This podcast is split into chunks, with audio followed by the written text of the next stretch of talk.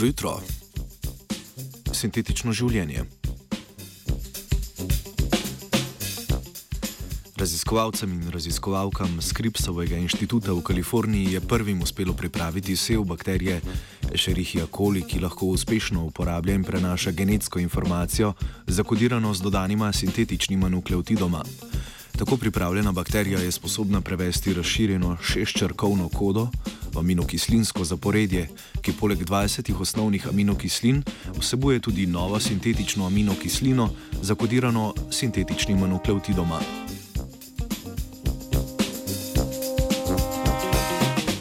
Življenje slehrnega organizma na Zemlji, še več, preživetje prav vsake celice, temelji na uspešnem branju in prenosu genetske informacije. Ta se v celicah nahaja v obliki dvovijačne molekule DNK, ki jo gradijo nukleotidi. Štirje različni, adenin, timin, gvanin in citozin, se med seboj povezujejo in gradijo nukleotidno zaporedje.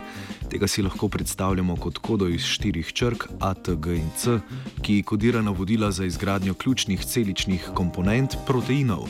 Ti so zgrajeni iz 20 aminokislin, ki omogočajo, da protein zauzame točno določeno prostorsko strukturo, kar je ključen pogoj za izvrševanje funkcije. Prevajanje informacije iz štiričrkovne kode DNK v aminokislinsko zaporedje proteina predstavlja osnovni podstat življenja in postulira tako imenovano osrednjo biološko dogmo. S pomočjo štirih črk in zaporedij, ki jih tvorijo, je v molekuli DNK pri ljudeh zakodiranih okoli 20 tisoč različnih proteinov. Kljub izjemni raznolikosti in zmogljivosti, ki nam jo ponuja štiričrkovna koda, je raziskovalce radovednost napeljala na idejo, da v nukleotidno zaporedje DNK ugradijo nove sintetične nukleotide. Ugradnja teh omogoča tvorbo novih nukleotidnih zaporedij, pripadajočih aminokislinskih zaporedij in izgradnjo novih proteinov z novimi funkcijami.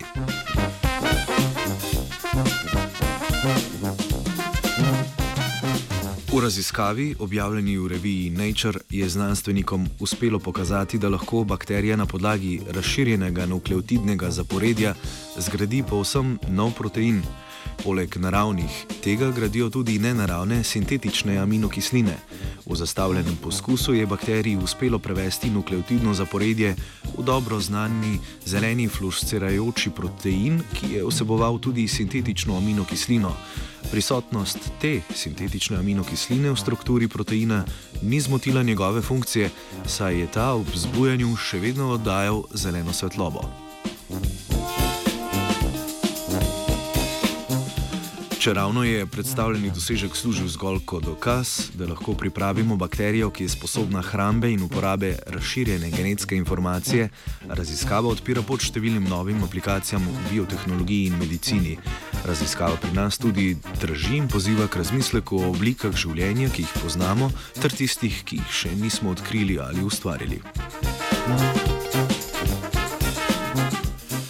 Novo genetsko abecedo so za vas dešifrirali vajenec Uroš in neutrudni ribosomi.